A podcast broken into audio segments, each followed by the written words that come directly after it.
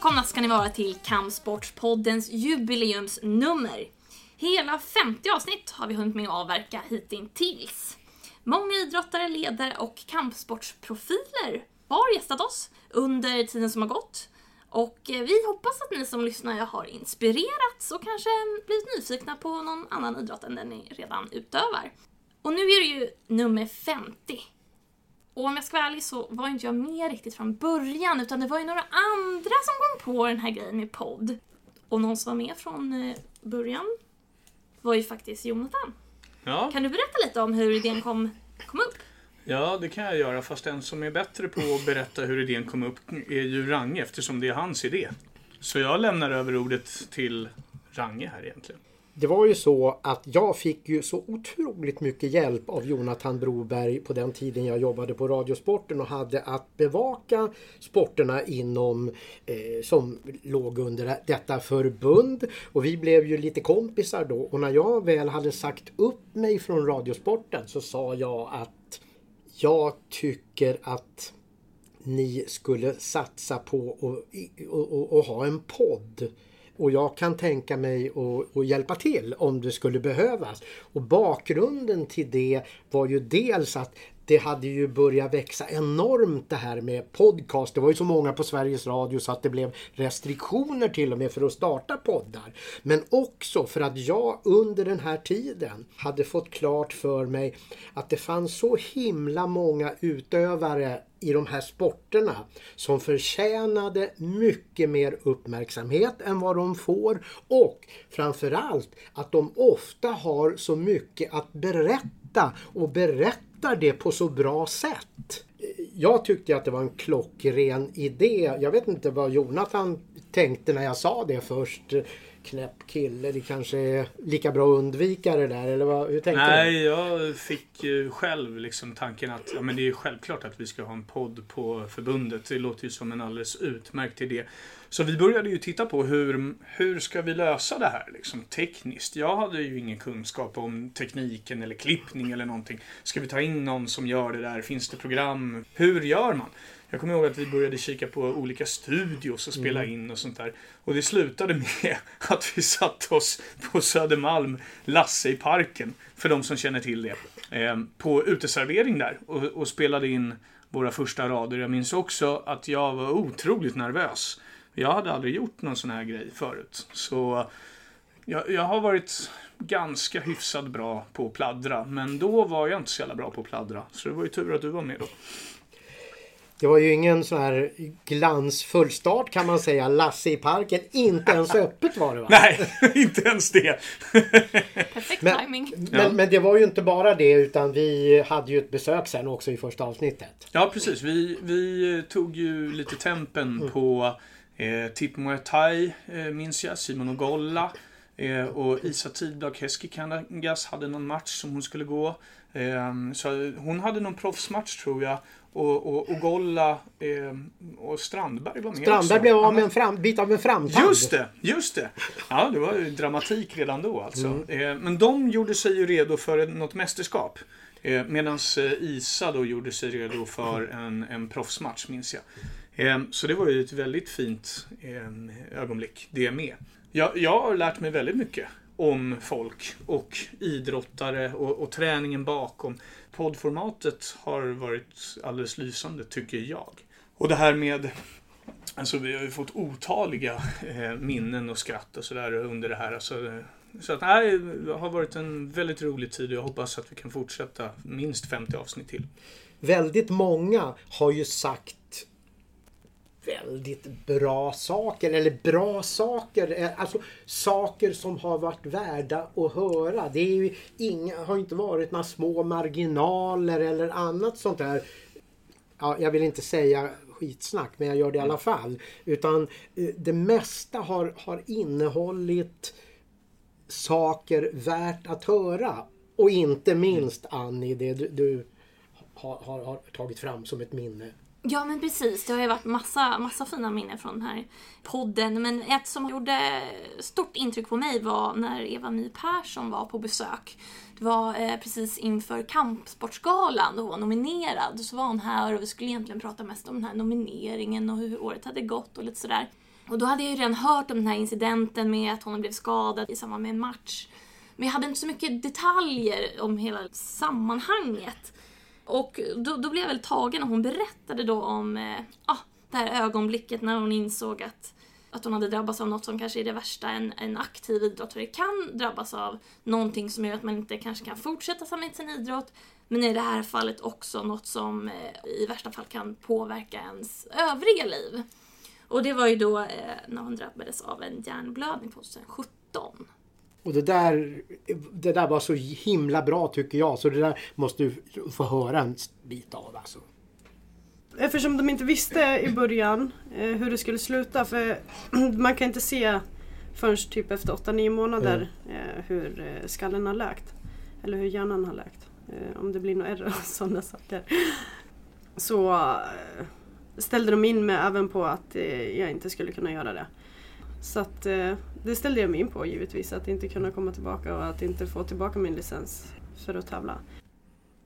Alltså, jag, jag, hade, jag hade faktiskt när, när, när det var snack om att plocka fram sådana här minnen. Jag hade, jag hade glömt bort det där. Annars hade jag valt det också. För det var ju... Ja, jag med. alltså jag var ju...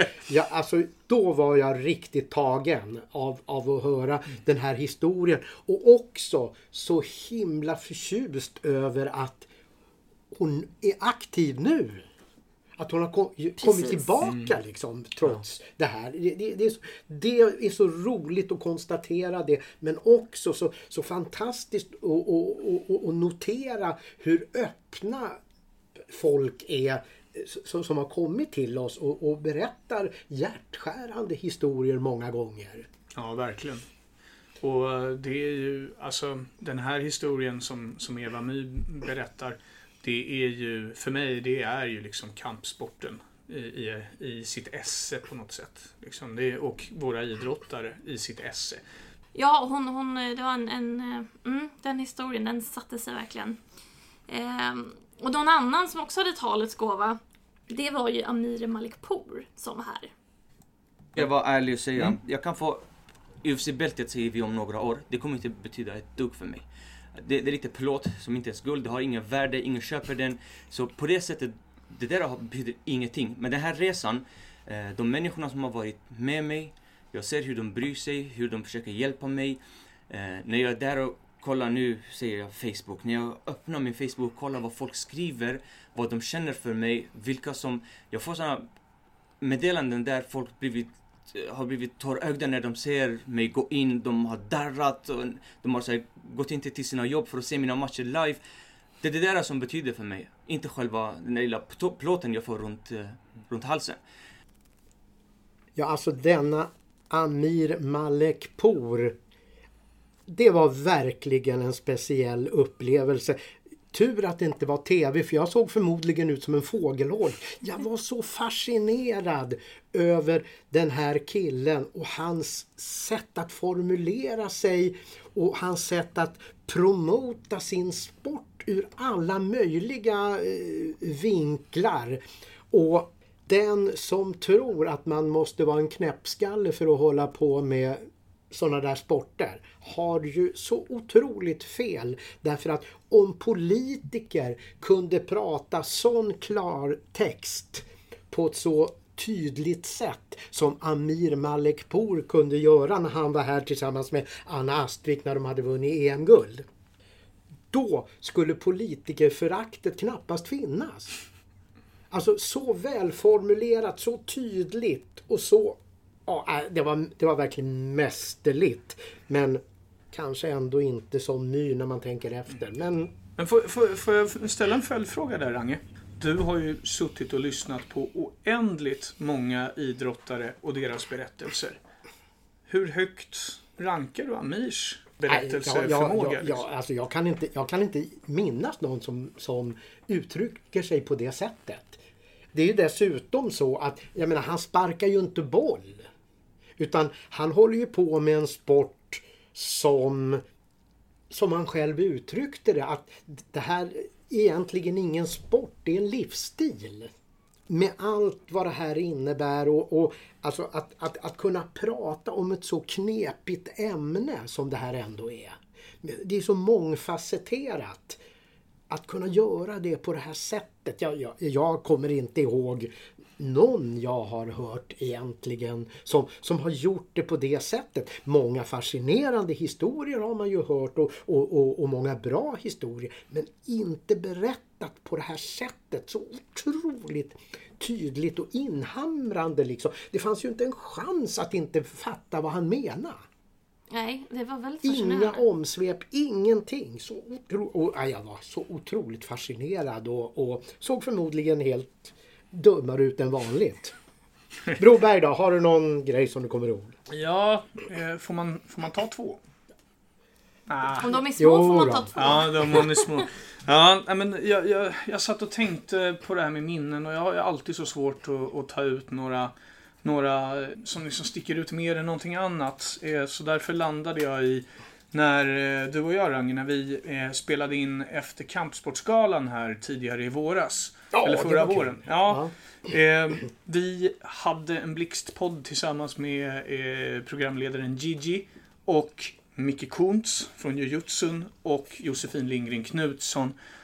Där och då, när Kuntz berättade sin historia, när Josefin berättade sin, där och då så kom det upp för mig lite grann hur mycket de här priserna verkligen betyder för folk. Även om jag har hört mängder med idrottare i våra led som har berättat om sina resor så var det precis som att det var en, en liten, en liten aha-upplevelse för mig alltså.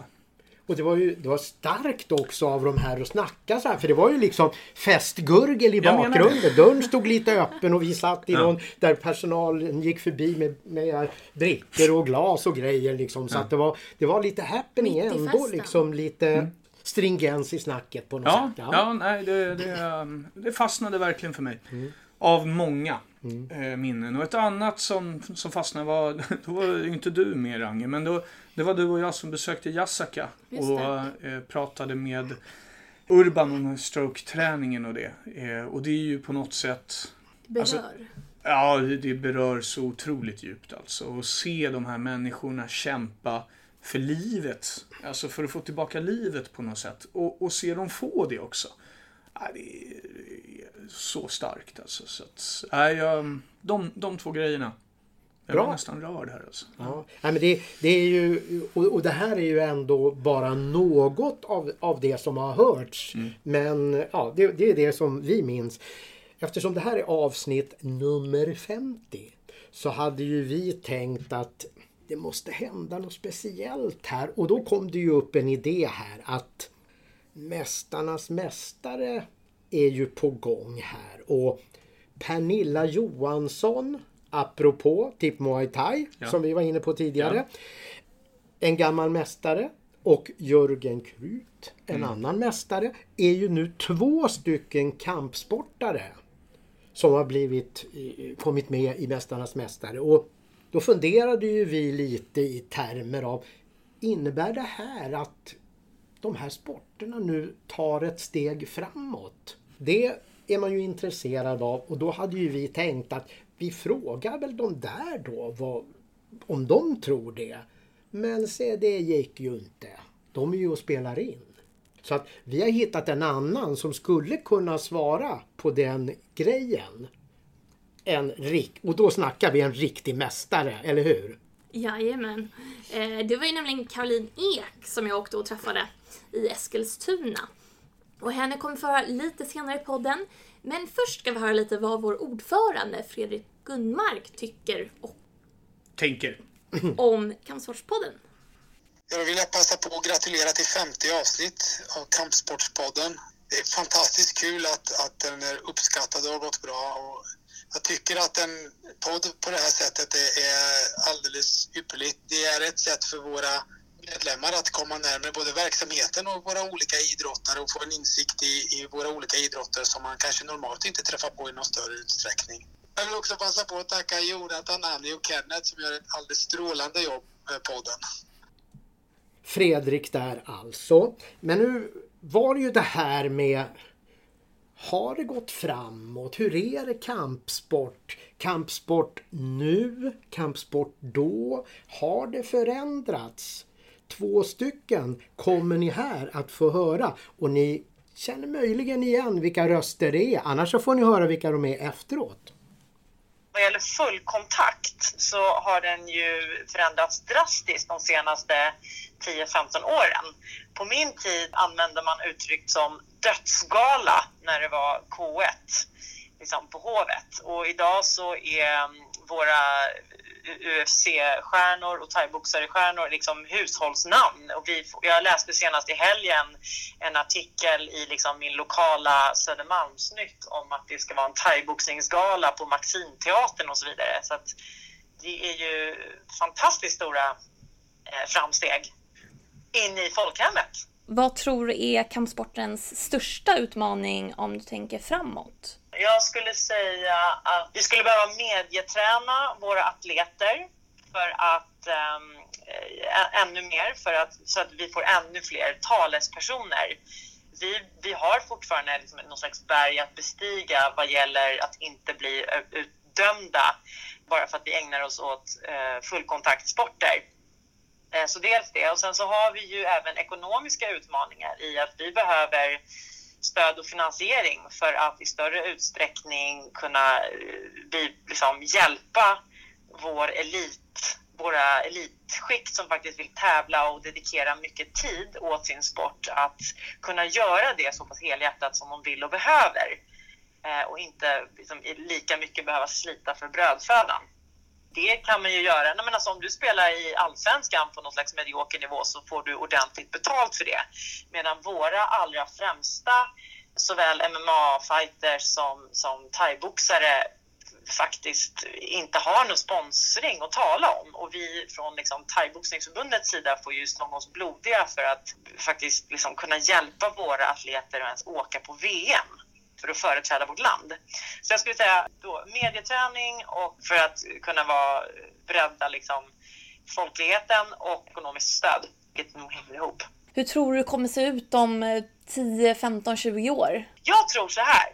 Kampsporten kommer gå om folk, liksom, fotbolls, folk, folkliga fotbollen i stil. Vi kommer inte se gapiga, hetsiga, aggressiva fotbollsfarsor som står och svär och domare, utan vi kommer se glada, peppiga föräldrar och barn som i ökande utsträckning lär sig respekt för varandra, för regelverk, för sina liksom, kamrater och för sin kropp.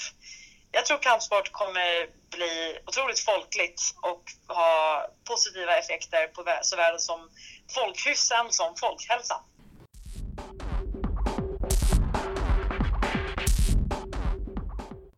Det känns som att fler och fler får upp ögonen för vilken bra träning det är.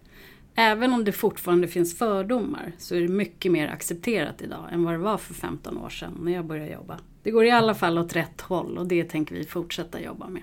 Eh, jag tror att vi kommer fortsätta växa, men vi måste bli bättre på att tala om att alla är välkomna hos oss oavsett förutsättningar. Fler måste få veta det unika med att man faktiskt tränar tillsammans och se styrkan i det.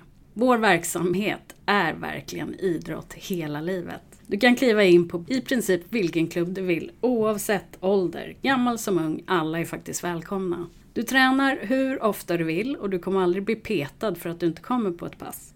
Jag tror nog att det är ganska unikt. Där hade vi alltså Magdalena Kowalczyk och vår generalsekreterare Mona Lundqvist. Och nu har det äntligen blivit dags för dagens gäst. Och vi får höra Caroline Ek.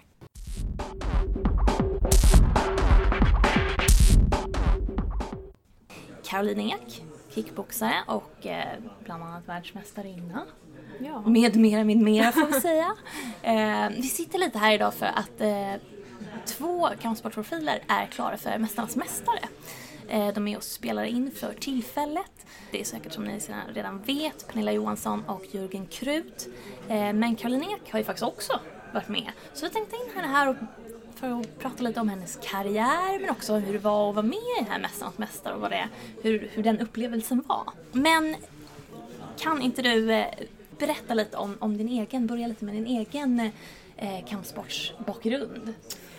Min kampsportsbakgrund? Ja, jag vet inte riktigt var man ska börja men eh, jag hittade ju kampsporten när jag var 15 år gammal. Och eh, då var det en, eh, ja som det oftast brukar vara säkert, en kompis kompis som höll på och så var vi och kollade på en tävling och tyckte att det såg kul ut och på den vägen var det. Eh, jag fastnade direkt. Tyckte att det var jättejättekul. Och eh, ja, längtade till varje träning och verkligen kunde köra tre timmars pass liksom. Och bara hänga där i atmosfären. Och- Eh, sen började jag ju tävla ganska tidigt och det var väl ja, tack vare ska jag säga, eller på grund av, jag vet inte riktigt. Men eh, tack vare min tränare som fanns där i Karlskrona där jag började. Eh, han var väl liksom inte den som behövde bygga upp en fighter till att vara liksom världsmästare utan det var bara att köra på direkt. Så jag började tävla, jag körde första matchen efter tre månader. Då mötte jag en VM silvermedaljör och vann den matchen. Och sen så, ja, sen körde vi på helt enkelt. Det måste ha fått en väldigt, väldigt kick av att så tidigt i din karriär slå, slå ut en VM-silvermedaljör. Det måste ju varit... Vad, hur, vad kände du efter den matchen? Nej men det var ju såklart jättekul men samtidigt så tror jag inte att jag tänkte nog inte i, den, alltså i de banorna då. Utan, och så har det väl varit liksom i, i karriären. Jag har inte, det är nog först efter, i efterhand som jag har liksom tänkt på hur, hur stort det faktiskt har varit. Så. Man kanske var lite ung då och tyckte att ah, men gött. Ja men verkligen. Ja, ung och naiv och ja. Mm. Men sen gick det fort. Det var bara några månader sen senare du gick ditt första VM. Ja, precis. Det var tre månader efter den första matchen där, så det var ett halvår efter jag hade börjat träna. Ehm, och det var ju också så här, ja, alltså idag vet jag inte riktigt om jag skulle åka på ett VM sex månaders träning i bagaget, men eh, då var det liksom bara, ja, typ odödlig. Ehm, men det gick ju bra det också. Jag ehm, tog ett brons tävlingen.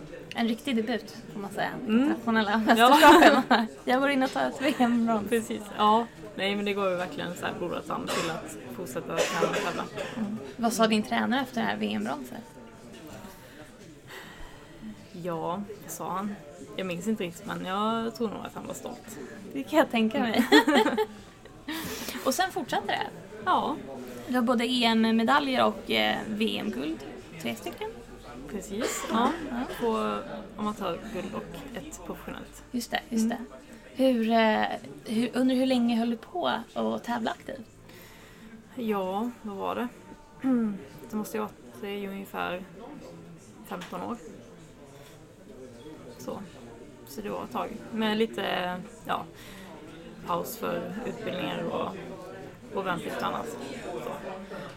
Tror du att eh, det här med att du började tävla väldigt tidigt och också då var duktig nog att vinna alla de här medaljerna, att det var något som gjorde att din motivation ständigt fanns kvar? Eller vad var det som motiverade dig? Jag tänker om man vinner något så stort så tidigt att det skulle kunna bli en, ja, också skulle kunna bli motsatt effekt. Att man känner att nu har jag ju nått så högt jag kan komma.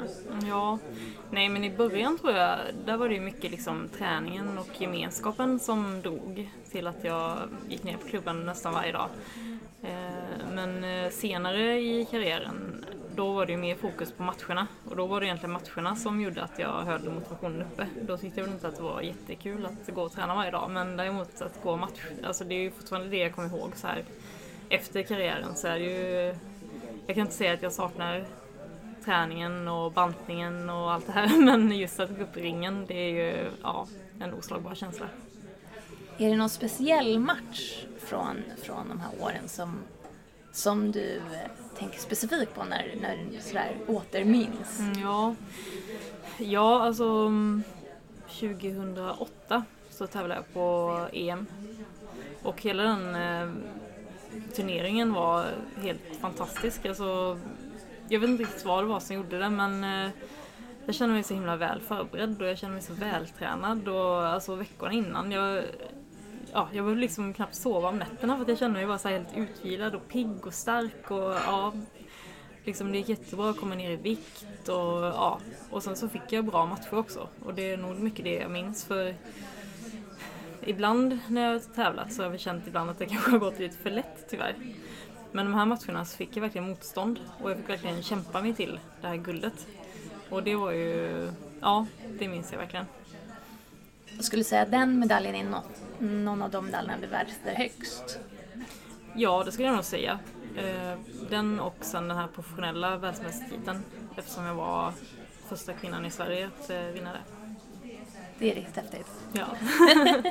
Det förstår jag att du minns. ja.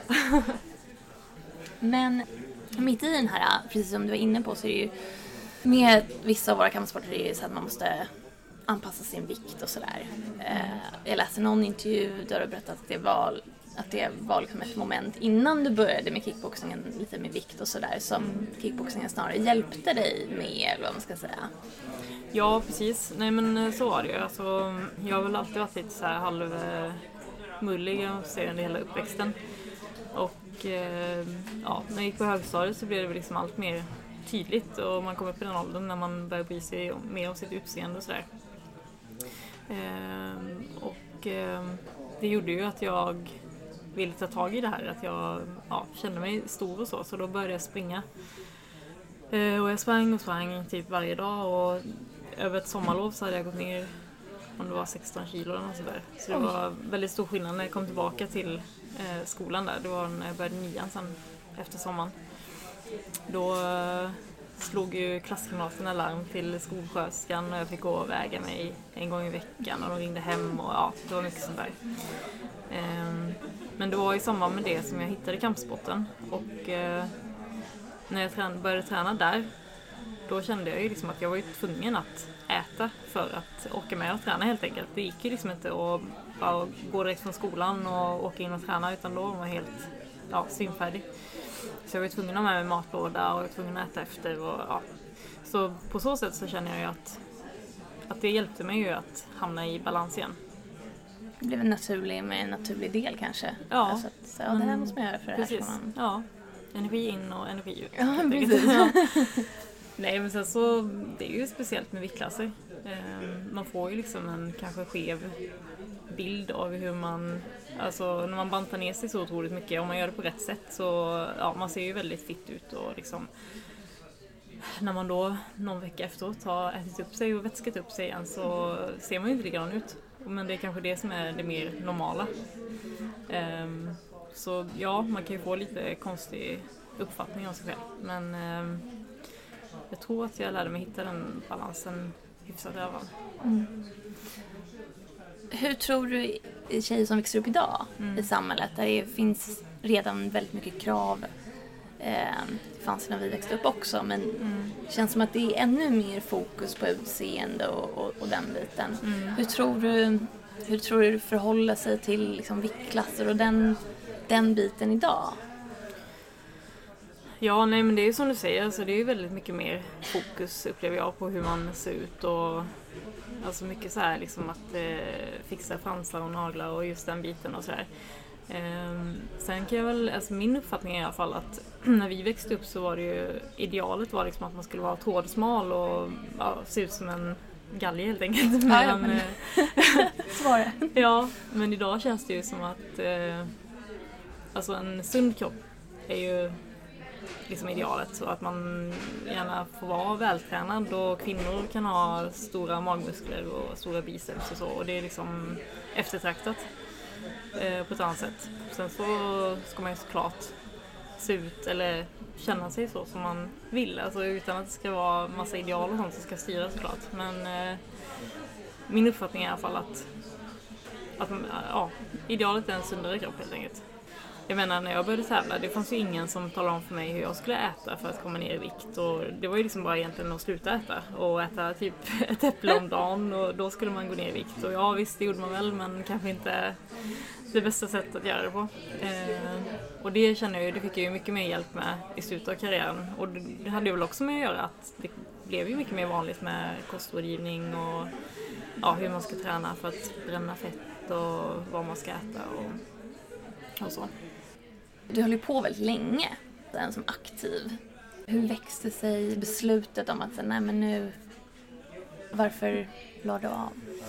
Nej men tyvärr så var det väl eh, ganska ofrivilligt. Eh, jag kände mig väl ganska motiverad att eh, gå matcher och sådär och jag började ju komma upp att få bättre matcher och gå på stora galor och sådär.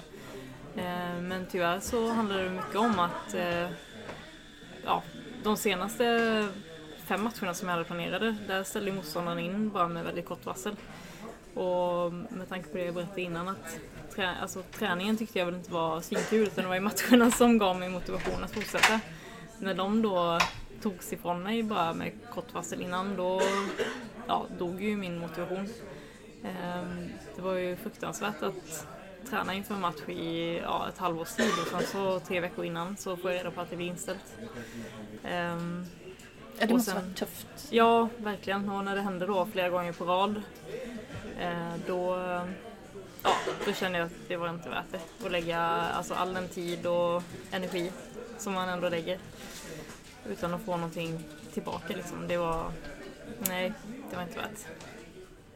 Så det var mer ett, ett, att det bara blev så för att... Ja, tyvärr så Ja. blev det så. Mm. Håller du på någonting idag? Ingenting med kampsport. Ehm, jag skulle nog, jag har nog kommit till den punkten där jag skulle kunna tänka mig att träna något för skojs skull sådär igen. Men eh, nu är det mer att tiden inte riktigt räcker till. Men eh, nej, men jag tränar, jag håller igång med lite annat helt enkelt. Fick nämligen en fråga från kansliet om Mm. är det någon comeback planerad? Nej, inte som jag har i sikte just nu.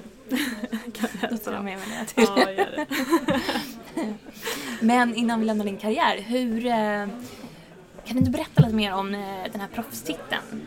Mm. Vägen dit och, och ja, upplevelsen att bli Ja. första svenska kvinna. Precis, det var ju ehm, det var ju min tränare i Västerås som hade då, Kim Eriksson, som egentligen pushade för att jag skulle gå den här världsmästartiteln.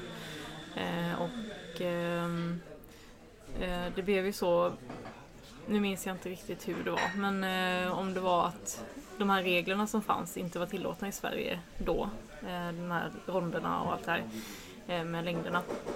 Eh, så då blev det i alla fall att jag fick gå i Norge istället i Oslo där de har mycket mer liksom injobbat det här eh, själva organisationen. Det är många där som har gått matcher om professionella världsmästartitlar och sådär. Eh, så då fick gå på deras skala när de ändå hade, det var tre av deras fighters som skulle gå.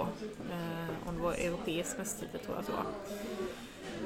Eh, och eh, vi kollade ju på vilka som fanns runt i min viktklass där. Det är ju med två kilos mellanrum tror jag, de här viktklasserna för de professionella titlarna. Så det fanns ju ändå ja, lite spann att välja på. Eh, men jag vet att det var tal om att jag skulle möta en eh, polska till att börja med. Som eh, tyvärr tackade nej. Det tror jag hade blivit en riktigt bra match. Men då blev det i alla fall en portugisiska jag fick möta i minus 66 km. Och jag minns inte om, jag tror att den här titeln var vakant då så att hon hade inte titeln från början utan vi gick match om att få den helt enkelt. Och jag minns när jag såg henne där efter invägningen så kände jag bara att nu vet jag inte riktigt vad jag har gett mig in på. Hon såg ju helt livsfarlig ut och ja, riktiga proffsiga flätor och ja, händerna var stoppade liksom decimetertjocka och riktigt snygg sån här matchrobe och ja, hela kittet. Så jag var väldigt nervös. Jag vet jag fick gå ut och jogga bara för att liksom jag skulle hitta så här andningen. Jag kände att jag bara så här ytandades. så, men ehm, vi skulle gå i alla fall eh, 6 gånger 2 minuter tror jag att det var bestämt till. Jo, och det hade jag aldrig gjort förut så det var också nytt. Jag hade bara gått tre ronder max. Dubbeldubb. Jajamän. Eh, men eh, jag tyckte jag kom in i matchen ganska snabbt. Eh, och jag kände väl att hon slog i sig ganska hårt men jag kände väl ändå att jag träffade mer än vad hon gjorde. Ja. Så. Så det gällde bara att undvika att bli knockad så tänkte jag, då kommer det nog gå bra.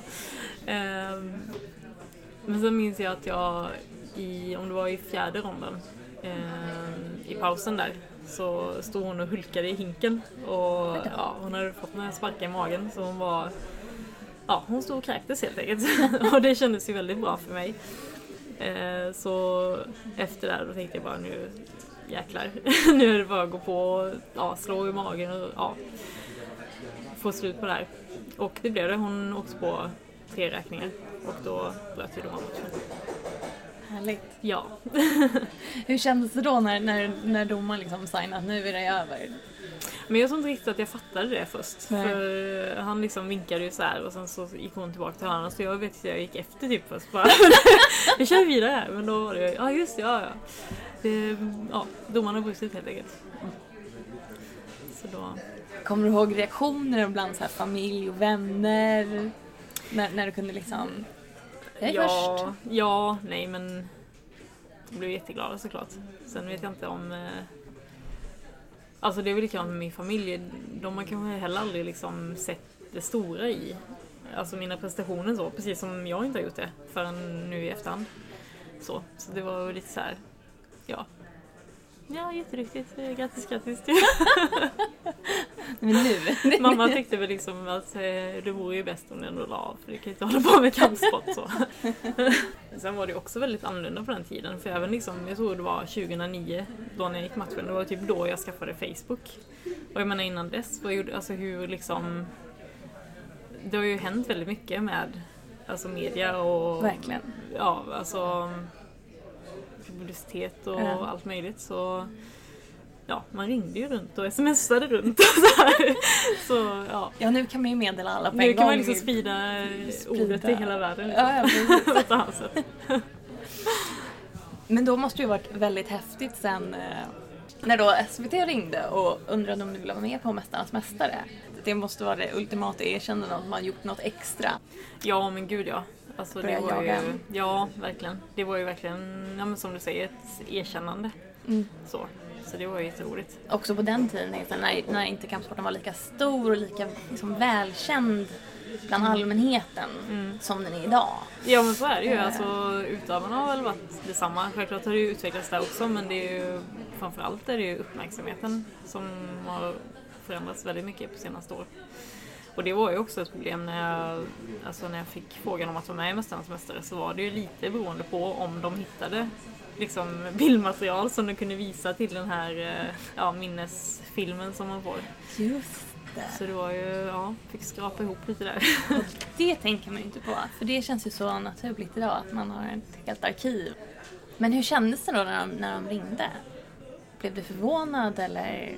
Ja, gud ja. Alltså det hade jag ingen tanke på.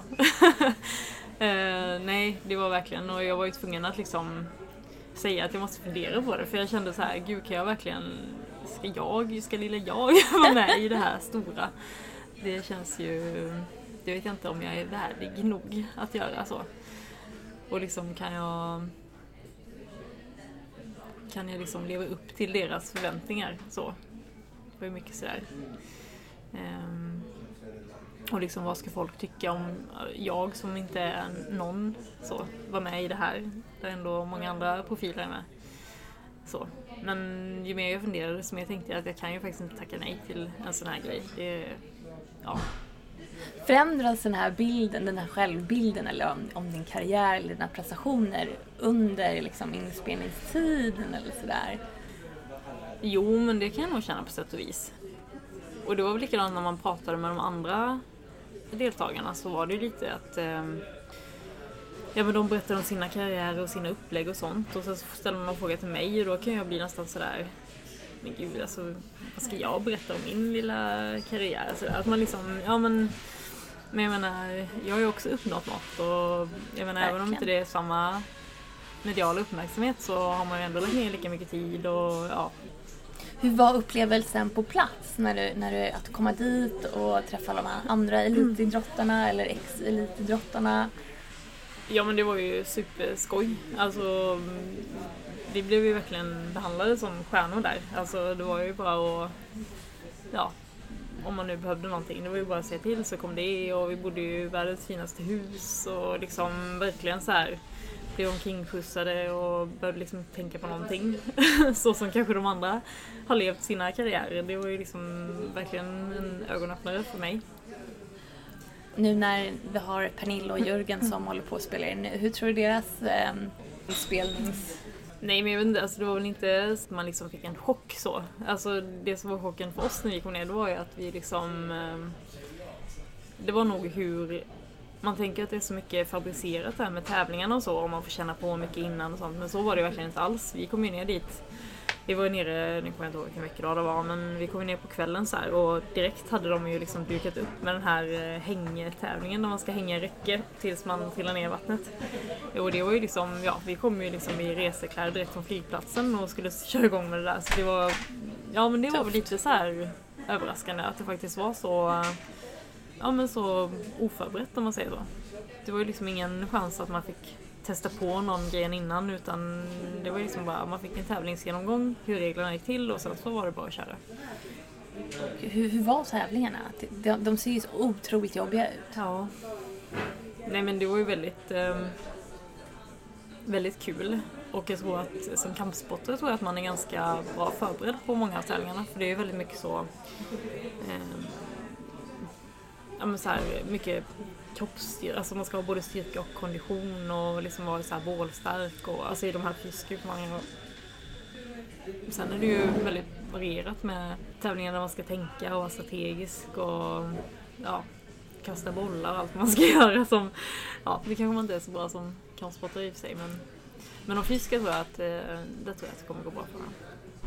Hade du tränat någonting innan? Förberett dig på något sätt? Jo men det var ju också så här, liksom hur mycket hur seriös ska man vara inför en sån här tävling? Man ska väl komma liksom lite avdankad tänkte jag. Så visst, alltså jag tränade ju ganska mycket normalt sett. Eh, så, men visst la jag in lite extra Ja, lite sånt där som man kan tänka sig ska komma. Vilken var favorittävlingen? Ja, men det var nog den här eh, bollen man ska knuffa upp för eh, backen. Nu kommer jag inte ihåg vad den heter. Den var tuff och den, ja men det kändes som att den passade mig.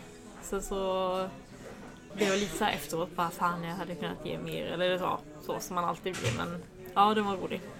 Får kämpa på lite. Vad är ditt bästa minne då från den här äh, Mästarnas Mästare? Du kom ju långt. Ja, precis. Nej men det var ju helt fantastiskt att träffa de andra tävlarna. De var ju jätte ödmjuka och trevliga och liksom det var kul att få lära känna dem som man bara hört talas om innan. Sen var det ju, det var ju kul att tävla och det var ju jättekul upplevelse liksom att få resa till det fina huset och ja, men se en helt annan del av Spanien var vi då än vad man skulle gjort som turist. Så. De hade ju verkligen vekat inspelningsplats i ett halvår tidigare liksom. och då var det så här uppför slingrande berg och verkligen häftigt. Nej men sen är det klart att jag minns att, att, att jag kom så pass långt som jag gjorde. Det är klart, det var jättekul. Jag för du kom till final? Ja, precis. Sen förlorade jag ju där, tyvärr. Ja. Kan du berätta om det finalmomentet för de som inte såg det? Mm. Nej men det var ju som det brukar vara i Mästarnas Mästare så var det ju en, eh, som en hinderbana med flera olika moment. Så det började ju med att man skulle komma ihåg en femsiffrig kod. Eh, jag tror det var, det var åtta olika koder.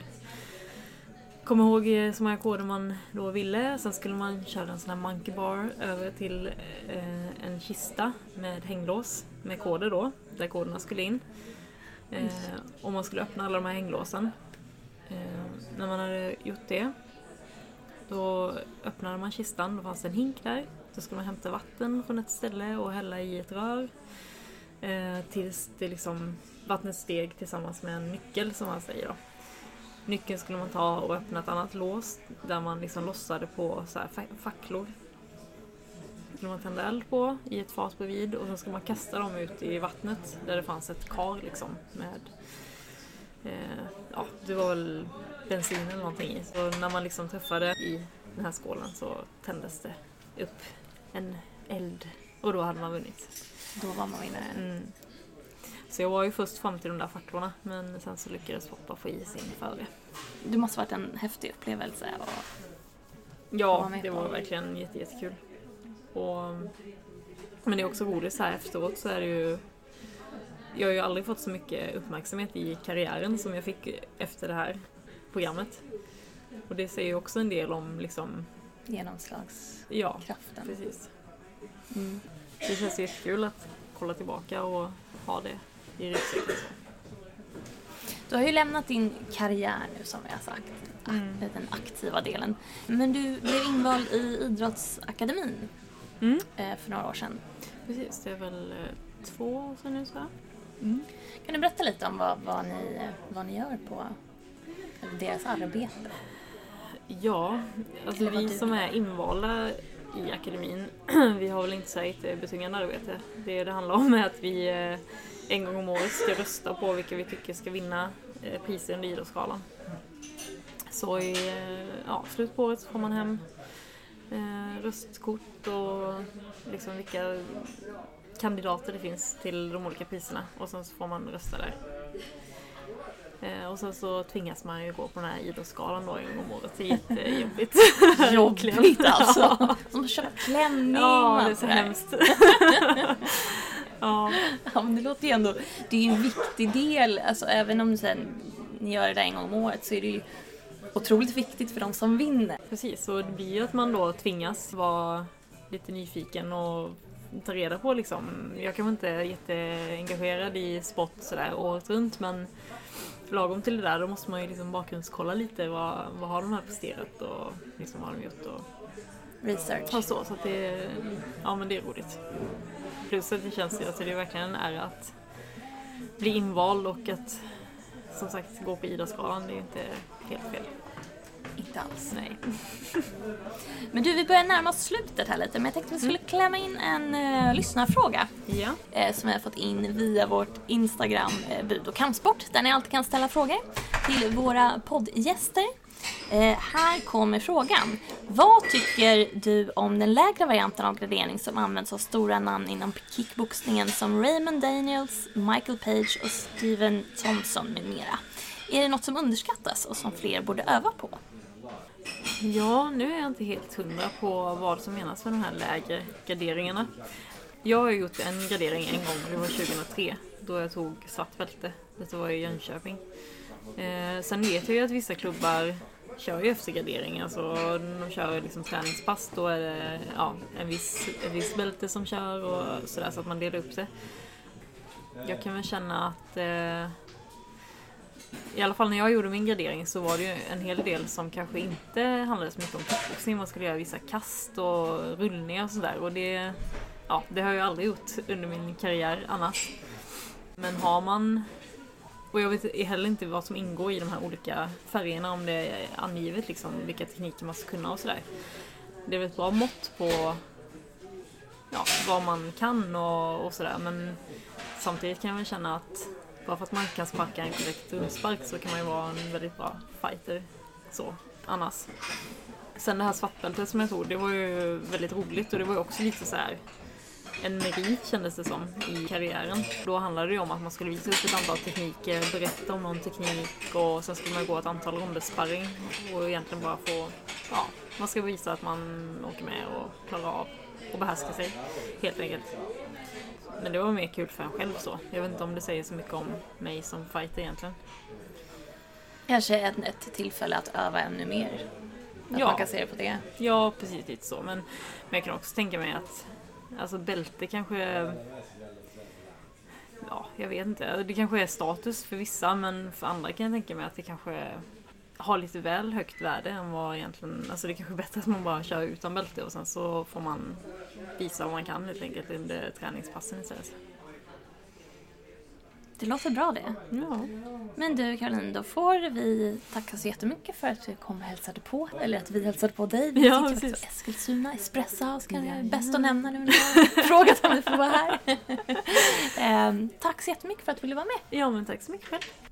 Då tackar vi Caroline Ek för de kloka insikterna.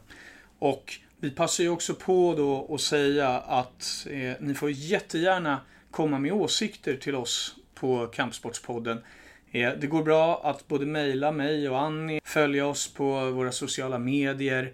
Eh, det kommer ju ofta frågor på Instagram som man kan ställa till folk innan. Men vi tar också jättegärna emot tips på hur vi ska bli bättre med podden överlag.